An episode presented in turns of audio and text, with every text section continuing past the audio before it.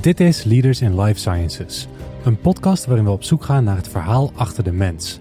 We praten met leiders van nu en later over wat hun drijft, hun carrière en privéleven. Want door naar elkaar te luisteren komen we als individu en als sector verder. We willen onze partners hartelijk bedanken voor hun steun. Dat zijn Pivot Park, Axon Lawyers, Jansen en Patterson Partners. Vandaag de gast de oprichter en managing partner van Gilde Healthcare. Hij begon hier ooit als investment manager en hij haalde zijn eerste fonds al op op zijn 35ste. Uh, met hindsight uh, was ik vrij naïef. Uh, maar ja, dan gebeuren er soms hele mooie dingen. Als je niet doorhebt dat er allerlei barrières en hordes zijn, dan ga je gewoon rennen met de bal. En dat is heel goed uitgepakt natuurlijk. Zijn roots vindt hij in de financiële sector, maar de healthcare heeft eigenlijk altijd al in zijn bloed gezeten. In zijn jeugd ging hij veel mee op pad met zijn vader, die dierenarts was. Eigenlijk is een dierenarts uh, een enorme allround uh, medicus. Uh, en het is wel grappig, als wij vroeger wat hadden, en nog steeds, als mijn kinderen wat onder de leden hebben, dan weet mijn vader altijd hele simpele oplossingen die ook bij paarden en koeien werken. Vaak denkt men bij investeringsmaatschappijen aan rendement. Maar met Gilde Healthcare zijn ze ook actief bezig met een bijdrage leveren aan het verder brengen van de life sciences. Dit wordt onder andere duidelijk wanneer hij ons vertelt over Avidity. Een, een zeer veelbelovende technologie die uh, nu in eerste instantie in research settings wordt gebruikt en bij, bij biotechbedrijven op het gebied van celtherapie. En, uh, uh, maar uiteindelijk een toepassing kan krijgen in, in ziekenhuizen, omdat het een, een instrument is om het mogelijk te maken om patiënten op persoonlijke basis te behandelen. Tegen hun, hun ziektes. Veel plezier met het luisteren naar deze aflevering. De gast Pieter van der Meer. Uw host is André van der Sande. Welkom bij de tiende Leaders in Life Sciences podcast vanuit het Pivot Park in Os. Mijn gast van vandaag is geboren in 1970 in de Brabantse Schijndel. Hij heeft zijn masters in chemie behaald aan de Universiteit van Leiden en zich gespecialiseerd in bioorganische synthese en molecular modeling. Hij begon zijn loopbaan als consultant bij KPMG Management Consulting en daarna werd hij medeoprichter en managing partner van Gilde Healthcare. Vanuit die hoedanigheid is hij mede verantwoordelijk voor het algemeen management, de investeringcomité's en fundraising van de venture and growth en private equity fondsen. Hij leidde onder meer Gilde Healthcare's investeringen in Uplinks, Acacia Pharma, Agendia, Informatica, dat later werd overgenomen door Galapagos, BG Medicine, Night Balance en Lumix Technologies, waar hij momenteel ook nog lid is van de board. Mijn gast van vandaag is Pieter van der Meer. Welkom Pieter. Dankjewel André, leuk om hier te zijn. Leuk dat je onze uitnodiging eh, hebt aangenomen. Pieter, je bent ruim 24 jaar geleden heb je besloten om met eh, Gilde te beginnen. Hoe ben je destijds tot die stap gekomen? Ja, dat, is, uh, dat kwam natuurlijk niet uit de lucht vallen. En dat is uh, een langer verhaal. Uh, toen ik bij, uh, bij Gilde aan de slag ging als investment manager destijds in 1998, was Gilde onderdeel van de Rabobank. En ehm, binnen Gilde waren er een een aantal investeringsstrategieën. Uh, denk aan buyout investeringen, venture en growth. En dat in allerlei sectoren. Uh, voor de Rabobank was de food- en agribusiness sector ook uh, van belang. En uh, toen ik werd aangenomen heb ik me onder andere daarop gericht ook. Dus inno innovatieve bedrijven die actief waren in food- en agribusiness. En ja, ehm, gaandeweg ben ik me ook gaan verdiepen in, in biotech investeringen. Een veld wat in die tijd in de investeringswereld in opkomst was. Ehm, Uh, een van de conclusies die ik trok uh, na een aantal jaar uh, actief geweest te zijn, was dat de biotechsector eigenlijk zich veel beter leende voor uh, ja, uh, venture capital. En dat het ecosysteem in de biotechwereld veel aantrekkelijker is om uh, actief in te zijn. Meer co-investeerders, meer exit dynamiek, beursgangen, et cetera. Dus ehm, ik heb een plan gemaakt nadat ik een aantal jaar werkzaam was geweest bij Gilde. En ehm, dat kwam ehm, op een gegeven moment goed van pas toen in 2005 de Rabobank besloot dat ze van haar private equity belangen af wilde. En uh, toen is Gilde Investment Management in feite afgestoten. Uh, en hebben wij met uh, de partners die destijds bij Gilde zaten, ik was inmiddels partner geworden, hebben we onszelf teruggekocht in een management buyout. En toen is Gilde zelfstandig weer verder gegaan. Uh, en uiteengevallen in drie managers die alle drie de Gilde-naam bleven voeren. Gilde Buyout, uh, en dat heet tegenwoordig Rivian. Gilde Equity Management, dat richt zich op Nederlandse familiebedrijven en uh, Belgische familiebedrijven. En Gilde Healthcare, Dat gebaseerd was dus op een businessplan om specifiek door te gaan in de life sciences hoek. Ehm, in 2006 hebben we toen ons eerste eigen fonds opgehaald. En dat was voor mij ja, een hele nieuwe ervaring. Ik had eigenlijk nog heel weinig meegemaakt op het gebied van fundraising en wat het betekent om zelfstandig actief te zijn. Maar ja, je was nog hartstikke jong, je was 35? Ik was 35 en eh, inderdaad, het was een volledig nieuwe wereld. Uh, met hindsight uh, was ik vrij naïef.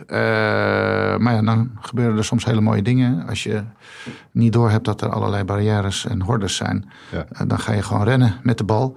En dat is heel goed uitgepakt natuurlijk. Ehm, maar inderdaad, dus het, het, het, eerste fonds in 2006 dat hebben we toen overigens Gilde Healthcare 2 genoemd. En dat was een, soort, uh, ja, een soort uh, commerciële benadering om aan te geven om dat we. Om één over te slaan. Om één over te slaan en te laten zien dat we wel ervaring hadden. Ik had ja. inmiddels wel al uh, geïnvesteerd. Ook een investering die ik zelf geleid had, bijvoorbeeld in Uplinks. wat later natuurlijk een, een unicorn is geworden, zoals dat heet in ons, in ons vak. Uh, dus we hadden al uh, wat ervaring op het gebied van, uh, van investeren in life science bedrijven. En dat hebben we toen gebruikt om onszelf als Gilde Healthcare 2 op de kaart te zetten. Um, ja, en goed. En sinds die tijd is het snel gegaan met jullie?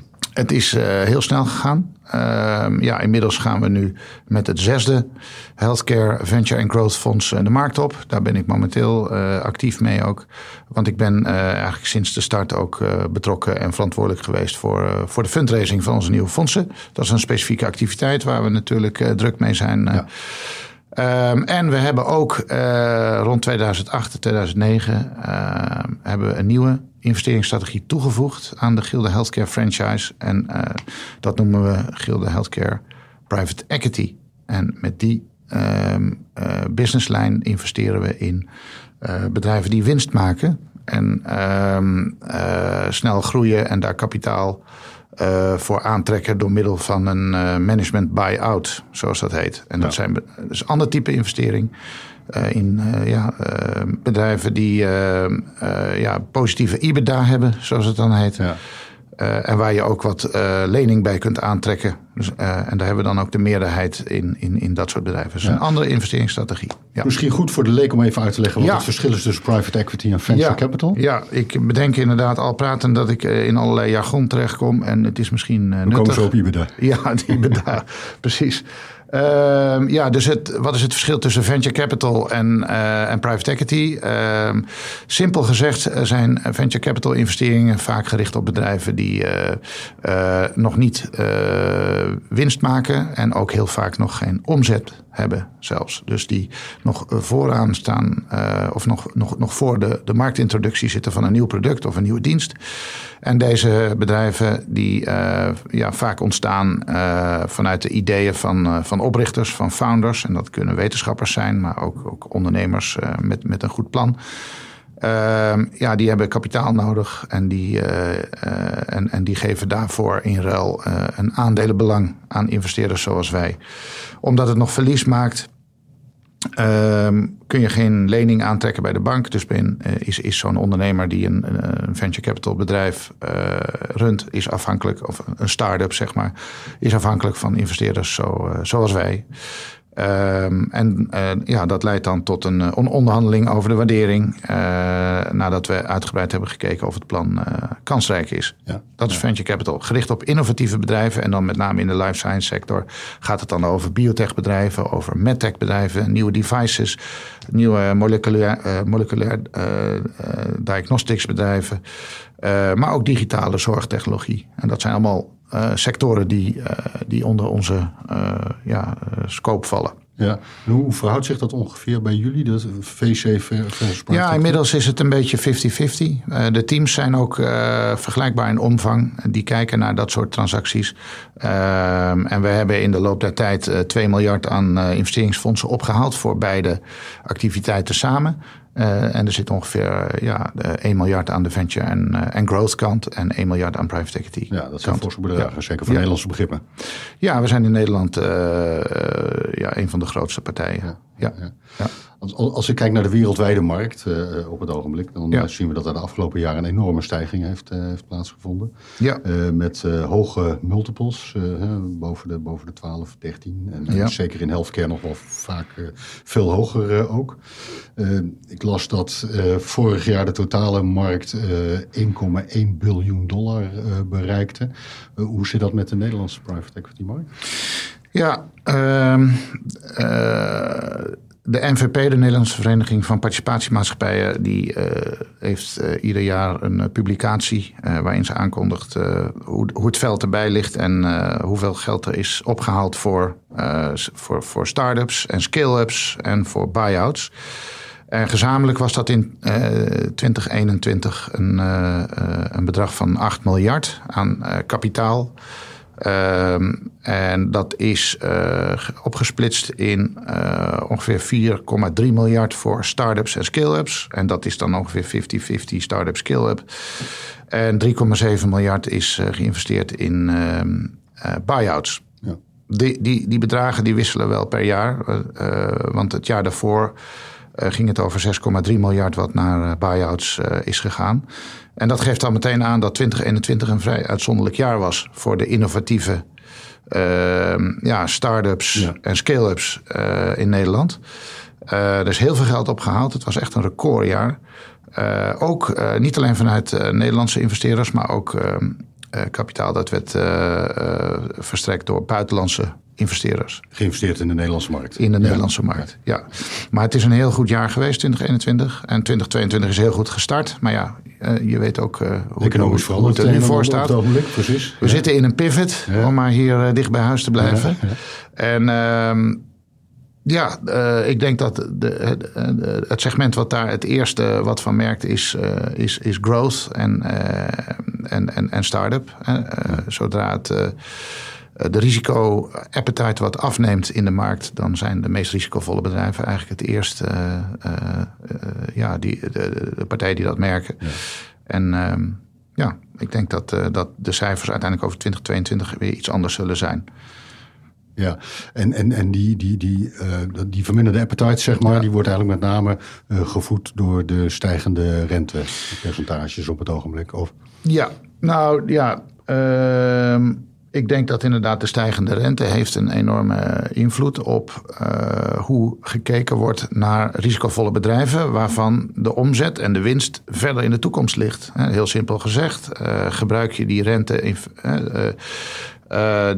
ja, die, daarmee discount je de waarde, de waarde van een bedrijf wat, wat de, meeste waarde in de toekomst heeft naar nu. En als een rente hoger wordt, dan betekent dat eigenlijk dat je je, je, waarde van nu uh, lager is. Terwijl als het geld uh, eigenlijk bijna gratis is, hè, wat het is ja. geweest de afgelopen vijf à tien jaar, dan, uh, ja, dan is de toekomstige waarde die is nog heel duidelijk zichtbaar in hoe mensen nu tegen zo'n ja. uh, bedrijfswaardering aankijken. Ja. Dus met een lang verhaal, het is een beetje een lang verhaal, maar wat je bijvoorbeeld ziet in de biotechsector is dat er uh, sinds die rente is gaan stijgen, dat ja, de, de waarde gemiddeld, de marktkapitalisatie van de biotechsector, bijvoorbeeld kijken naar, naar de Nasdaq dat die met uh, 40, 50 procent is, uh, is afgenomen. Ja. ja. En dat is natuurlijk fors. Zo'n forse verandering ja. Toch lijkt, dat, uh, lijkt het alsof de healthcare sector iets minder gevoelig is voor deze conjuncturele veranderingen dan ja.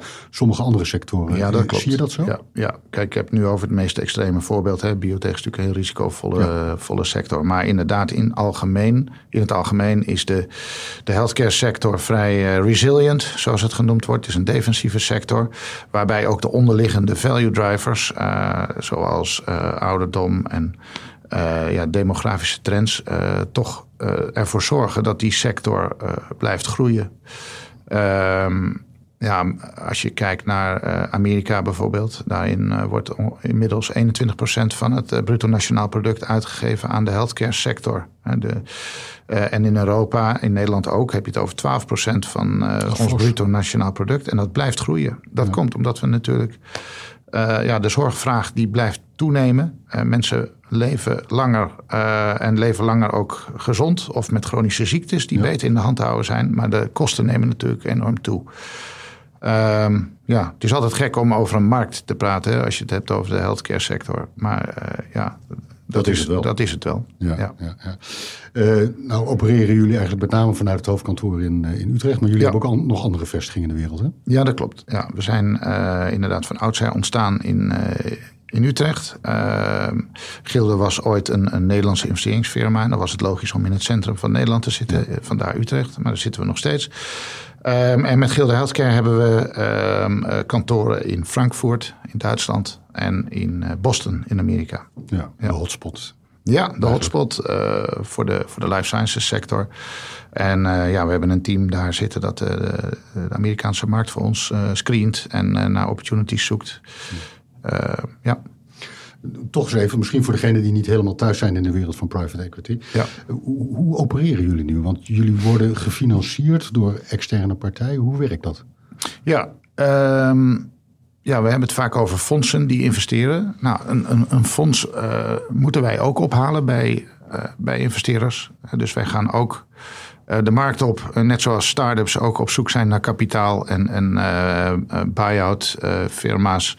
Of eh, de firma's die een buy-out willen doen, ook op zoek gaan naar eh, kapitaalverschaffers. Moeten wij dat zelf ook om die fondsen bij elkaar eh, te krijgen? En ehm, dat is een hele diverse groep die bij ons participeert. Denk aan pensioenfondsen, banken, verzekeraars. Dus grote instituten of stichtingen, endowments. Ehm, maar ook ehm, family offices of eh, informal investors. En we hebben ook bijvoorbeeld eh, een aantal eh, voormalige CEO's die samen met ons hebben gewerkt aan een bedrijf en succesvol zijn geweest. En ja, hun cash ook gedeeltelijk Nee, via investeren. ons Ja. investeren. Ja. Ja. Oké, die investeerders die hebben natuurlijk bepaalde verwachtingen van jullie. Zeker, ja. Het is natuurlijk. ehm, ehm, ja, het is een beetje, een beetje dubbel. Want ehm, de missie die wij eh, uitdragen vanuit Gilde Healthcare.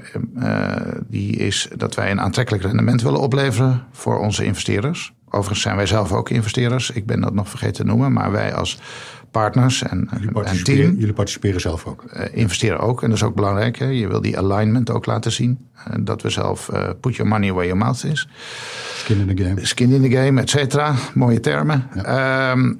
Ja, de investeerders die ons eh, ondersteunen, die eh, verwachten een rendement. Dat is duidelijk. Ehm, onze missie is eh, om een aantrekkelijk rendement op te leveren voor de investeerders die, die zich aan ons verbinden en die aan ons committeren. Maar door te investeren in bedrijven die betere zorg tegen lagere kosten mogelijk maken. En dat is een, een hele relevante combinatie. Dus als wij in staat zijn om een positief rendement op te leveren, dan eh, kunnen we ook weer een volgend fonds ophalen. Want ja, het is natuurlijk, er is marktwerking uiteraard. Hè. Als wij geen goed rendement of eh, eh, niet voldoen aan de verwachtingen, dan, dan houdt het voor ons op. Ja. Ehm, maar wij koppelen dat heel nadrukkelijk aan een missie die ook de zorg gaat verbeteren. Dus de bedrijven die we in onze portefeuille opnemen. En dat zijn hele diverse soorten bedrijven natuurlijk. Maar die voldoen allemaal aan dat criterium dat we een betere zorg willen opleveren voor de patiënt, voor de, de zorgverlener en voor het ziekenhuis eh, en, en zorgsysteem in brede zin. Maar ook tegen een eh, betere eh, en lagere kostendruk. Ja, ja. Ehm, als jullie al eenmaal zeg maar, dat, dat, dat, eh, die investeringen hebben opge- opgehaald, Ja. eh, dan komt het inderdaad natuurlijk heel erg neer op het vertrouwen wat jullie moeten, moeten krijgen. Eh, maar vervolgens ga je natuurlijk ook investeren. Hoe, hoe werkt dat? Hoe, hoe kom je tot een bepaalde keuze waarin je zegt van in deze partij gaan we de komende jaren investeren? Ja, nou, we zijn om te beginnen heel erg streng. En dat is soms een, ja, dat is wat we wel, wel meteen zeggen als we met een ondernemer in gesprek gaan. We krijgen op jaarbasis ongeveer duizend plannen binnen. Alleen voor private equity, hè? Nog. Eh, Of, sorry, dat voor is venture eh, ja, dus ja, ja, eh, ja. Venture, eh, voor venture en growth krijgen we duizend plannen binnen. Ja. En inderdaad, voor, aan, aan de private equity kant komen er iets van 200 binnen.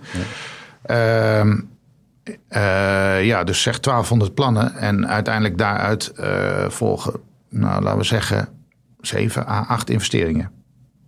Eh, dus je hebt het over een heel laag percentage, wat uiteindelijk door al onze screens en filters heen komt. Ja. Ehm, voor ons is een belangrijk criterium om te, ja, eh, snel een indruk te krijgen van is dit een, een onderneming die de zorg verbetert en die ook de de kosten verlaagt. En die combinatie is, dat is een belangrijke screen.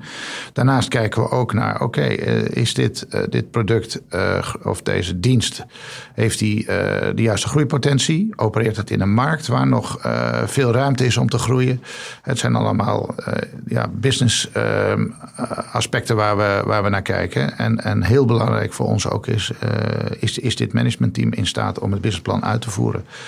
En als we heel eerlijk zijn dan uh, is dat eigenlijk het belangrijkste aspect. Ja. Uh, dus is het team, uh, idealiter hebben ze het al een keer eerder gedaan. Ja. Uh, heb je serial entrepreneurs, om het zo uit te drukken. Of managers die al heel lang actief zijn op het veld. En, en kunnen laten zien en dat een track record hebben. Ja. want daar, het liefst vermijd je daar allerlei leercurves. Want die zijn in de praktijk vaak heel duur. Ja ja, ja. Maar heeft private equity nog wel eens uh, het imago dat het, uh, dat het een vrij harde wereld is. Ja. Waarin uh, wel eens kritiek wordt gegeven dat het vooral gaat om, om de financiële kant en niet zozeer om de mensen. Dat er vaak ontslagen vallen, dat er gedownsized wordt, dat op die manier geprobeerd wordt om de marge te verbeteren. Hoe kijk jij daar ja, tegenaan nou, tegen dat ken, soort kritiek? Ja, ik ken die verhalen en... Ehm, en er zijn ook voorbeelden in de, in de praktijk die, die, ja, die niet zo fraai zijn. Uh, we kennen allemaal uh, HEMA, uh, de financiering daarvan en hoe dat fout gegaan is. En nou, er zijn allerlei andere voorbeelden waarin de private equity investeerders als sprinkhanen worden omschreven. Uh, dat staat wel vrij ver af van onze praktijk, uh, als ik uh, heel eerlijk ben. om te beginnen financieren we onze bedrijven aan de private equity kant niet agressief. dus nou, dan komt de IBEDA weer terug. Ja. nou, het is een goed moment om dan toch nog even uit te leggen wat IBEDA is. Zeg maar de, de earnings before interest, tax, depreciation en amortization. dus zeg maar het... ja, de, de, de winstgevendheid van een bedrijf uit de operatie. En uh, wij financieren dat uh, drie keer uh, dat getal. Um, en dat is niet zo heel erg agressief. En de voorbeelden die in de praktijk vaak genoemd worden in de, in de media, die, die zitten veel hoger. En die komen ook in de problemen. Zodra de business een beetje tegenwind ervaart, dan zijn ze niet meer in staat om aan hun verplichtingen te voldoen. En dan is eigenlijk door zo'n agressieve leningsstructuur komen ze uh, ja, uh, in betalingsproblemen. Dat is bij ons nog nooit gebeurd. We zitten eigenlijk met een, een, een, hele ja, vriendelijke structuur. we laten het managementteam ook meedelen. En daar zijn we ook, denk ik, ruimhartig in. Nou, je zou het aan de CEO's moeten vragen of die dat ook zo vinden. maar we zijn afhankelijk van het managementteam en we delen in de, in de, de opbrengst van de toekomst. Uh, door ze een incentive structuur aan te bieden die, die gelijk loopt met onze belangen. Um, ja, dus ik, ik, ken, ja, ik ken de verhalen, maar ja. bij ons werkt het iets anders. Jij kent het niet voor het, met betrekking tot gilden in nee. ieder geval. Jullie volgen nee. daar een andere strategie ja. in. Ja. Hoe lang blijven jullie normaal gesproken geïnvesteerd in een bedrijf? Um, ja, dat, um, je moet denken aan, laten we zeggen, ongeveer vijf jaar. Uh, soms afhankelijk van uh, het thema waar we naar kijken, uh, willen we een kortere exit horizon. En proberen we daar ook heel specifiek op te, te, selecteren. Bijvoorbeeld aan de venture and growth kant zeggen we drie tot vijf jaar. Omdat in de praktijk bij een start-up en een scale-up het nog wel eens wat langer kan duren. Dus ja, proberen we daar die grens wat, wat meer naar voren te halen. Um, en dat dan blijkt overigens ook dat we soms bedrijven al, al sneller kunnen, kunnen verkopen aan een strateeg of naar de beurs kunnen brengen. Um, in, um, ja, bij, bij onze private equity activiteiten zitten we zo, denk ik, gemiddeld rond de vijf jaar. Dat is ja, nogmaals een andere tak van sport. Want daarbij heb je bedrijven die cash genereren. Die, uh, ja, niet, die, als het een jaar langer zou duren, is dat niet zo'n probleem. Daar hoeft geen kapitaal bij. Um, dus dan is het soms uh, juist aantrekkelijk om wat langer te wachten en een, een snel groeiend bedrijf door te laten groeien, waardoor dan uiteindelijk onze return ook verbetert. Dus ja, we kijken daar verschillend tegenaan. Maar ik denk in algemene zin is voor ons het eindpunt wel heel belangrijk. Dus als wij kijken naar een nieuwe investering, dan uh, bepalen we al in onze due diligence, hè, in het onderzoek naar het bedrijf, bepalen we eigenlijk al wat het eindpunt gaat worden. En hoe het bedrijf daar naartoe kan groeien. En dat doen we door het heel uitgebreid uh, te onderzoeken. Uh, ook in een zogeheten commerciële due diligence, waarbij we al gaan praten met marktpartijen. Met klanten ook waarschijnlijk. Met klanten, ja. ja om een idee te krijgen van... oké, het product of de dienst die, die dit bedrijf ontwikkelt... Is daar uh, behoefte aan bij, uh, bij de patiënt of de zorgverlener of, of de farmaceut of uh, nou, een, een, medische corporate? hoe, hoe moet het eruit zien op het moment dat wij willen verkopen? Of ja, waar groeit dit bedrijf in een drie tot vijf jaar tijdspad naartoe? En de input die we daaruit verzamelen, uit die commerciële due die gebruiken we weer om het zogeheten value creation plan op te stellen. waarin mijlpalen staan waar langs het bedrijf gaat groeien. Ja. Toch zul je daar af en toe ook uh, aanpassingen moeten doen waarschijnlijk. Want de markt is dynamisch. Klopt. Omstandigheden kunnen veranderen. Dus Zeker. je zult er ook in zekere mate flexibel mee om moeten kunnen gaan, denk ik.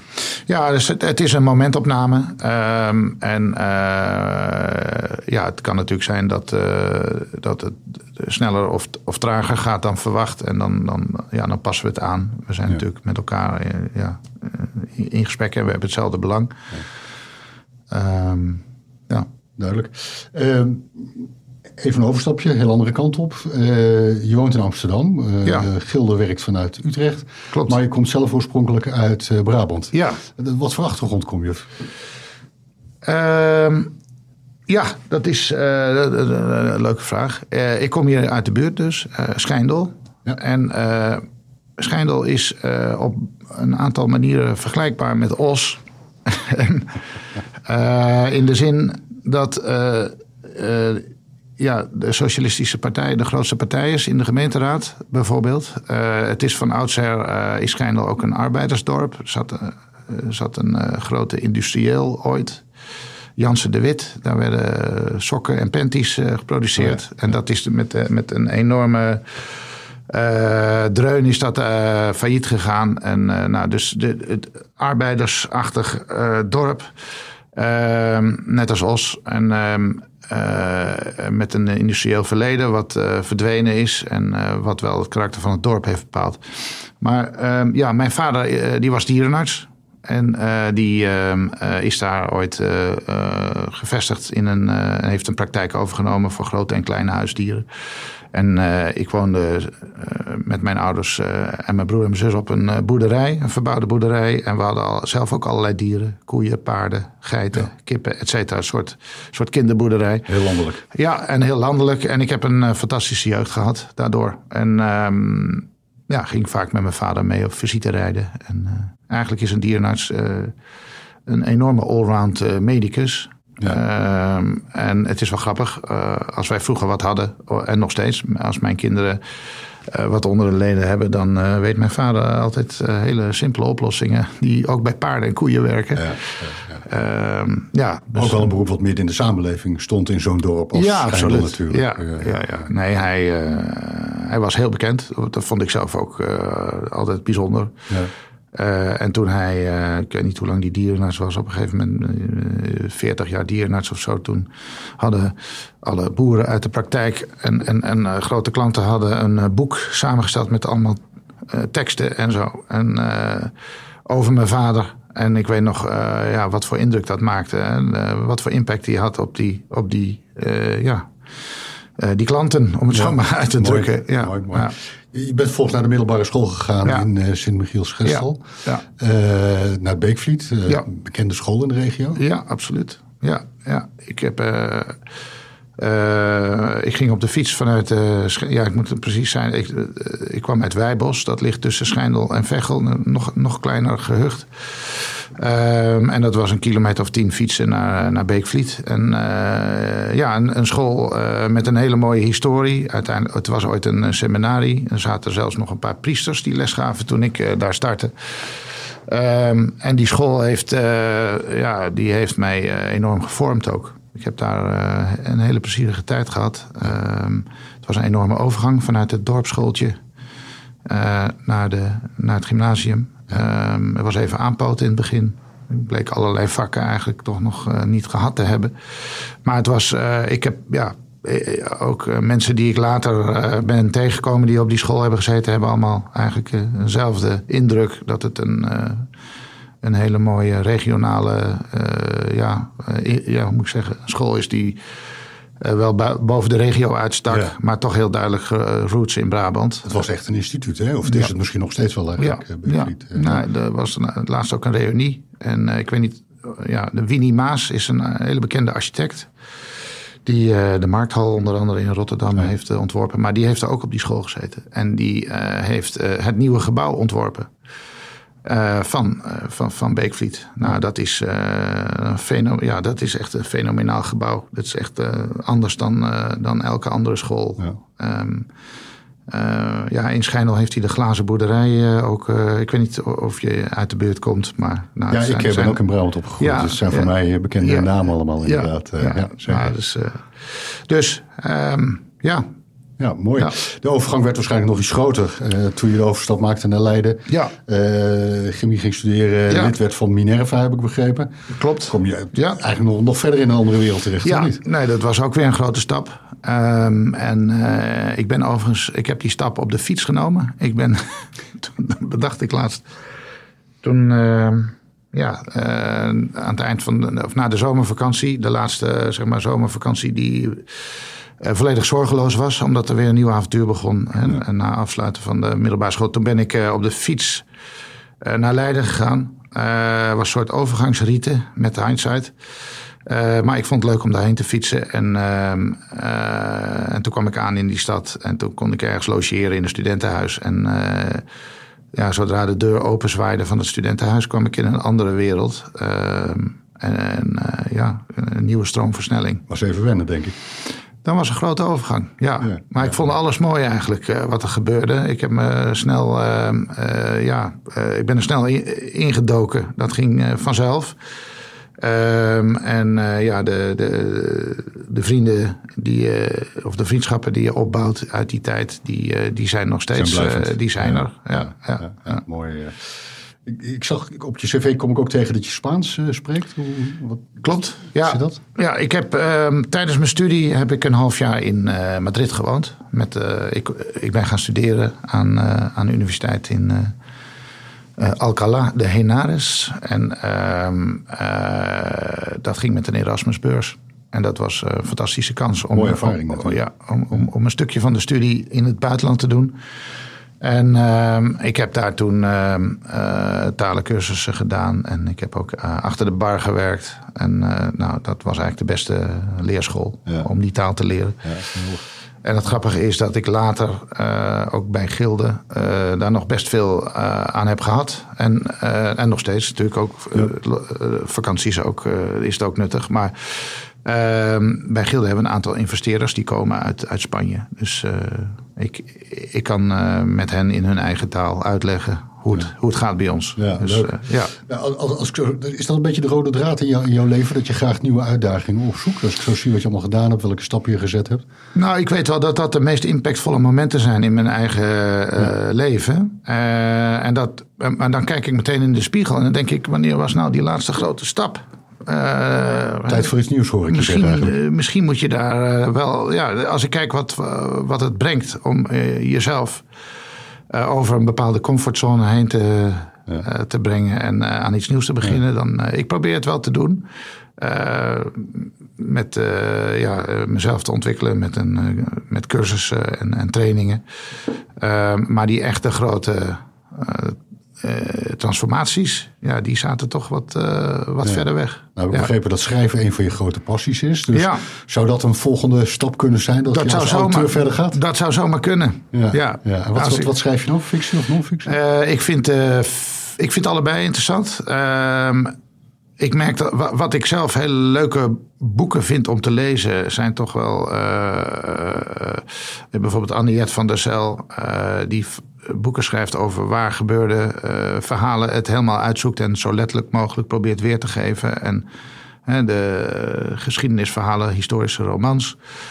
Uh, maar ik vind fictie ook, uh, ook aantrekkelijk om aan, aan te werken. Ja. Ik kom er overigens veel te weinig aan toe. Maar dat is misschien wel iets inderdaad. Dat zou een volgende vind stap een, vind ik een heel goed idee, André. Uh, als we even teruggaan naar, uh, naar, naar Gilde. Jullie hebben uh, recentelijk toch ook wel weer een aantal in het oog springende overnames gedaan. Ja. Onder Sanquin, de reagentia. Kun je daar ja. iets meer over vertellen? Ja, ehm, We hebben inderdaad uh, de, de, de spin-off van uh, Sanquin Reagents uh, mogelijk gemaakt. ja, Sanquin is natuurlijk een hele bekende organisatie ja, in Nederland. De Bloedbank. De Bloedbank voor de bekende. Ja, precies. En Sanquin Reagents is betrokken bij de ontwikkeling en productie en commercialisatie van een brede range van ja, reagentia op het gebied van uh, bloedgroepen en uh, immunologie. En ehm, ja, ze verkopen die reagentia aan inmiddels 150 verschillende klanten. allerlei laboratoria wereldwijd, maar ook grote IVD, in vitro diagnostics, corporates, waaronder bijvoorbeeld Siemens en Abbott. Ja. Ehm, en daar hebben ze een, een, een, aantal productgroepen inmiddels voor uh, en het, het, het, bedrijf heeft zich fantastisch ontwikkeld uh, binnen Senquin.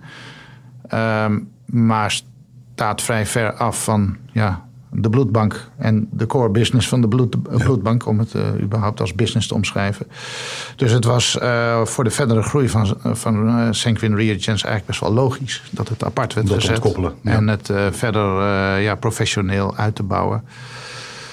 Um, en daar zijn we nu actief aan begonnen.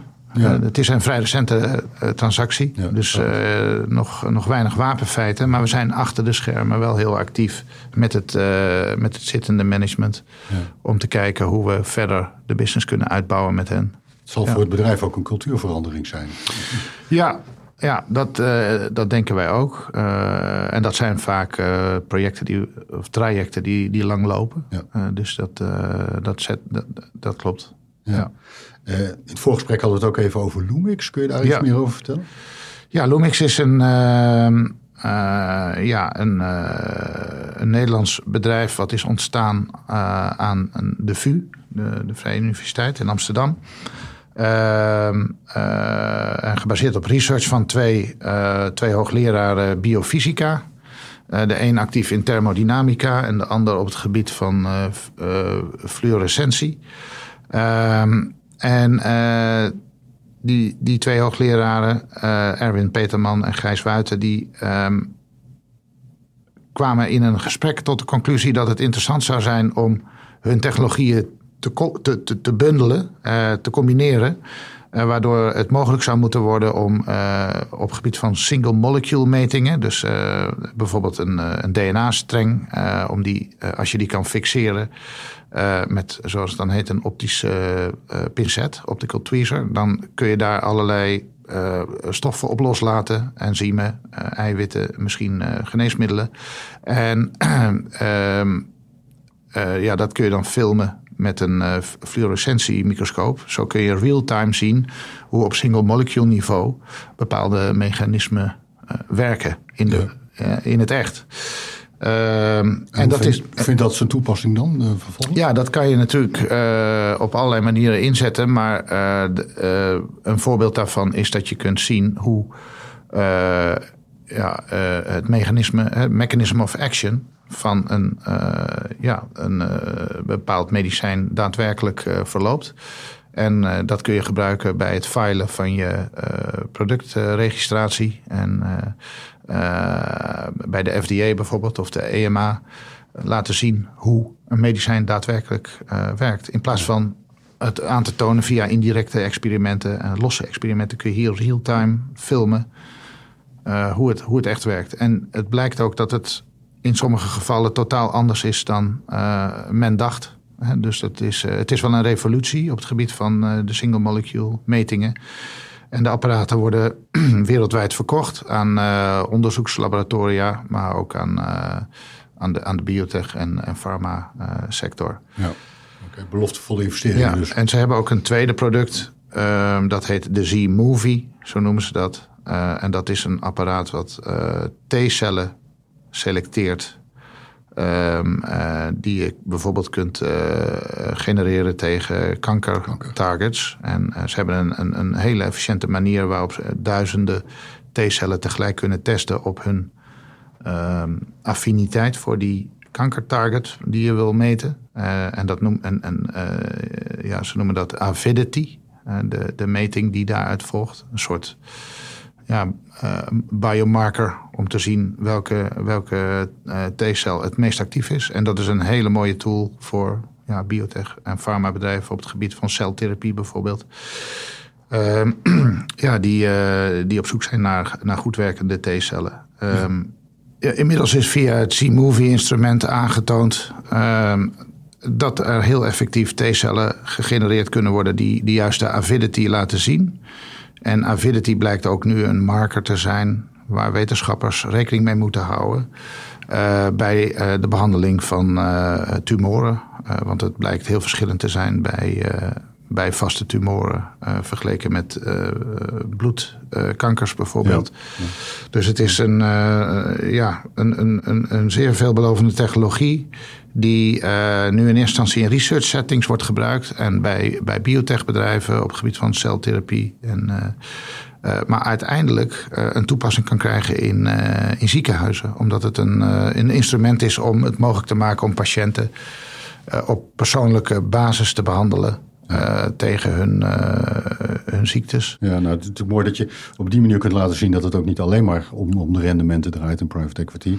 maar dat je nee. ook een actieve bijdrage kunt leveren aan de bevordering van de wetenschap. Juist. Uh, en dat je zelfs, zoals je net al eerder noemde in het interview, dat je ook een bijdrage kunt leveren aan een stukje kostenbeheersing of kostenverlaging. Ja. Zoals, Juist. Dus de missie is eigenlijk veel breder dan alleen maar rendementsverbetering, zeg maar. Dat is correct. Ja. Even los van, van deze uh, twee voorbeelden die we ja. net uh, besproken hebben. waar zien jullie nog meer beloftevolle veranderingen en mogelijkheden om in de toekomst te gaan, in, in te gaan investeren? Ja, um, dat, ook, ook dat is weer heel divers. We zijn in, in, in het algemeen enorm positief over de sector en de mogelijkheden die we, die we voorbij zien komen. Um, maar wel, wel aardige voorbeelden zijn bijvoorbeeld slaapziektes. Dat is misschien niet, niet de eerste uh, markt waar je aan denkt. Maar we zien heel veel interessante oplossingen voor slaap. ja, gerelateerde ziektes, zoals bijvoorbeeld insomnia of apneu. Um, en technologieën die dat heel effectief behandelen, daar zijn we erg enthousiast over. Ja, en, en dat, jullie natuurlijk Night Balance al? Ja, Night Balance is een voorbeeld. Ja. dat is natuurlijk een hele mooie simpele device uh, waarmee je uh, een milde vorm van apneu kunt behandelen. Omdat patiënten uh, daar meestal last van hebben als ze op hun rug slapen. En dit, is een, dit was een, een, ja, een apparaatje wat op de borst zit en wat een trilling afgeeft als je te lang op je rug ligt. En dan draai je om op je zij. En dan is de, de milde gevallen van apneu, die zijn dan meestal verholpen. denk aan snurken, want ja. daarmee start het apneuprobleem eigenlijk in lichte vorm. Uh, maar we hebben ook een, uh, uh, een bedrijf in onze portefeuille opgenomen uh, dat zich bezighoudt met digitale therapie van vormen van slapeloosheid, insomnia. En het blijkt dat patiënten heel effectief geholpen kunnen worden tegen insomnia door ze uh, zes weken lang te behandelen met een uh, online therapie. Die is gebaseerd op cognitieve gedragstherapie. Mm -hmm. uh, alsof je bij een psychiater zit, in feite. Ehm, en dat is effectiever gebleken dan, dan slaappillen. Met uiteraard minder bijwerkingen of geen bijwerkingen. En ook tegen lagere kosten.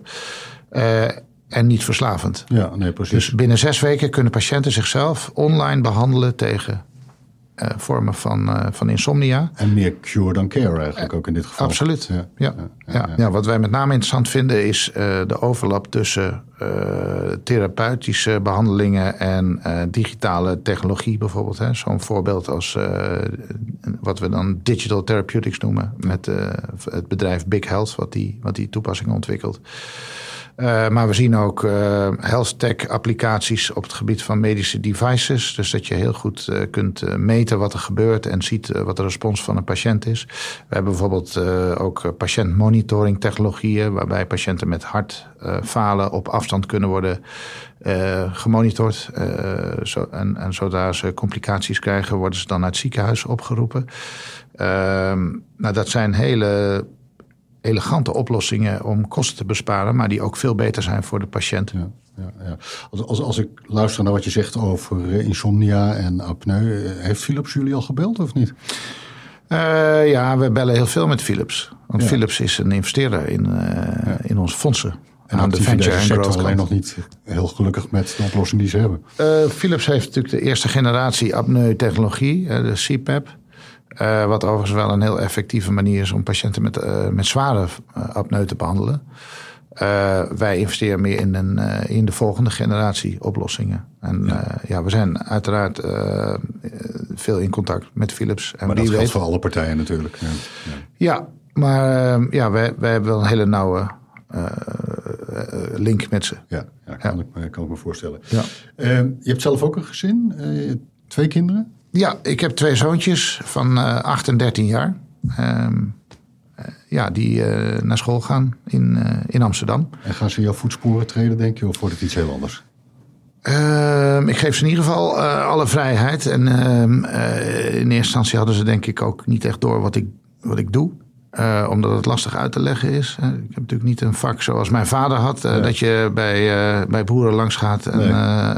en, en varkens vaccineert. Eh, het is wat minder tastbaar. Vertel eens, want je vertelde in het voorgesprek iets leuks over tekenfilmpjes, et cetera. Ja, nee, dus eh, ehm, ik, eh, mijn jongste zoontje die, eh, die belde regelmatig als ik nog aan het werk was, laat in Utrecht. En dan zei hij, papa, wanneer kom je thuis? En dan zei ik, nou, ik ben nog even heel erg druk bezig. En dan had ik heel snel op mijn scherm een, een, een filmpje aangezet van eh, Peter Post, eh, bijvoorbeeld. Eh, of, of, of, of iets van Mickey Mouse. En dan zei ik, kijk maar, ik ben heel druk. Ik moet nu een beetje blijven werken hier. Dan liet ik het scherm zien van waar ik... En dan, dan dacht hij, hoe is het mogelijk? Papa kijkt naar filmpjes, die heeft het heel leuk. Zo'n baan wil ik ook. Ja. Ja, maar dat, ik, ik denk dat hij inmiddels wel beseft dat er meer bij komt kijken. Maar hij heeft, hij, heeft, hij heeft er wel een positief beeld van. Ja, leuk, Heb je ook favoriete eh, films of boeken? Eh, ja, ik vind allebei heel interessant. Eh, als je naar een goede film bent geweest, heb je soms wel het gevoel dat je een boek hebt gelezen, maar ook dat het iets in gang zet, een soort verandering. Ja. Ehm, en ik heb ja, een aantal, aantal films die dat, eh, die dat heeft gedaan bij mij. Mijn favoriete film is La Grande Bellezza. Oh ja, prachtig. Ja, dat, ik, ik heb hem even of opgezocht weer, maar het is alweer eh, een hele tijd geleden. En, eh, Ik heb hem nog heel helder op het netvlies. Maar ik vind dat een fantastische film. Er zijn natuurlijk hele mooie beelden van Rome. Prachtig. Maar onderliggend een heel eh, belangrijk verhaal... Waar, waar ik mezelf zo nu en dan aan moet herinneren. Eh, die, ik weet niet of je nog weet hoe die loopt, die film... maar eh, de hoofdpersoon, Gep Gambardella... die... die heeft ooit een succesvol boek geschreven en eh, daar teert hij op, op die oude roem. En eh, ondertussen gaat het leven eigenlijk aan hem voorbij. Ja. En hij blijft een beetje in een soort eh, de beaumonde hangen en consumeert. En mooie ja, be- sfeerbeelden uit Rome. En hij zit in allerlei sociale kringen waar men eindeloos debatteert, maar eigenlijk niks meer presteert. En... ehm, ja, en dan, refereert een beetje mogelijk aan jouw mogelijke overstap toch richting het auteurschap. nou ja, ik zie nu ook, eh, ja, dat thema is blijkbaar, eh, Ja. met de, is, ja, wordt blijkbaar opgeroepen. Je moet daar, ik ga daar wel mee aan de slag, Ja. André. Dat is een, een belangrijk moment. Ja. Ehm, maar de muziek is ook heel mooi. En eh, ik ben daar toen wel dagenlang nog mee aan de slag geweest. Ik heb het allemaal lopen uitzoeken van wat is die muziek dan? En ehm, eh, wat is nou precies het verhaal? We zijn ook zelf naar Rome gegaan onlangs. En dan is het ook heel goed voorstelbaar, ja, dat, dat thema. Ehm, ja, en qua, eh, qua boeken, ik, eh, ik probeer zo nu en dan een boek te lezen natuurlijk, zoals iedereen. Ehm, het laatste boek wat ik heb gelezen is De Avond is Ongemak van eh Marieke Lucas Reineveld, Oh ja, wat de International Ja, heeft gewonnen. ja. Eh, ja, een, een, eh, een, ja, unieke stem heeft zij, denk ik. Of hij, ik weet niet. Eh, hen, Allebei. ja. Ehm, eh, over een heel verstikkend milieu, een heel gelovig milieu waar ze zich uit eh, ontworstelt, maar eigenlijk in, in dat boek in ieder geval eigenlijk in vastloopt. Ehm, maar het, eh, het misschien leuk om te noemen is het boek Het Hoge Nest van Roxane van Iperen, wat een grote bestseller is geworden. Want Roxane heeft ook op Beekvliet gezeten. Ah, En ik weet niet of je het hoge, ja, ik weet niet of je het hoge nest kent. Het gaat over twee zussen, brillenslijper die, eh, die onderduiken. eh, of de oorlog doormaken en eh, een tijd lang ondergedoken zitten in hun huis in Baarn. En dat huis dat is door Roxane verbouwd. Dus heel veel jaren later. En zij komt dan tijdens die verbouwing allerlei verborgen ruimtes tegen. En allerlei spullen die zijn achtergebleven nog uit die tijd. En toen is ze dat hele verhaal gaan uitzoeken. fantastisch verhaal, heel knap geschreven. En ehm, ja, Roxane komt, heeft dus ook op, op Beekvliet gezeten. En ik ben naar een boekpresentatie van haar geweest in Schijndel met mijn ouders en mijn zus. En uh, nou ja, dus uh, ja, heel leuk. En ze is heel sociaal bewogen en heeft zelf een overstap gemaakt vanuit de Zuidas als advocaat naar fulltime schrijver. Ah. Daar komen we er weer op uit. Ja. Dus cirkeltjes rond, hè, zou ik zeggen, bijna op dit moment. Uh, leuk. Uh, we komen ook een beetje aan het einde van deze podcast. Uh, Pieter, ja. bedankt voor al jouw verhalen en, en, en, inzichten. Vaste vraag aan het eind van de, van de podcast is altijd van... zijn er nog zaken die, die we niet besproken hebben? Of zijn er, is er nog een boodschap die je mee zou willen geven? Ja, ik heb, je had mij gevraagd om erover na te denken. En ik heb, ik heb er één. En, um, en heel vaak bij die inzichten heb je het dan over open deuren... waar iedereen dan van zegt, ja, natuurlijk. Uh, ik heb er één waarvan ik denk, ja, dit is toch echt heel belangrijk... voor mensen die in hun carrière bezig zijn en voor keuzes staan. en dat is, laat geld nooit een rol spelen. En ik zeg dat, terwijl ik natuurlijk in de financiële sector actief ja. ben... Ja. Uh, het is heel verleidelijk om het, uh, om het na te jagen. Uh, maar het is een doel dat geen bevrediging oplevert. En ehm, ik denk dat het heel belangrijk is dat, dat je je leven en je carrière inricht op basis van inhoud en verdieping. En dat je focust.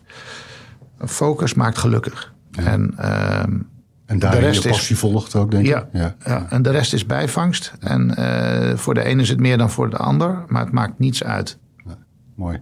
Ja. Mooie, mooie slotboodschap van deze podcast uh, van vandaag. Uh, we blijven je met belangstelling volgen. Ik ben natuurlijk heel benieuwd in welke keuzes jij nog gaat maken ja.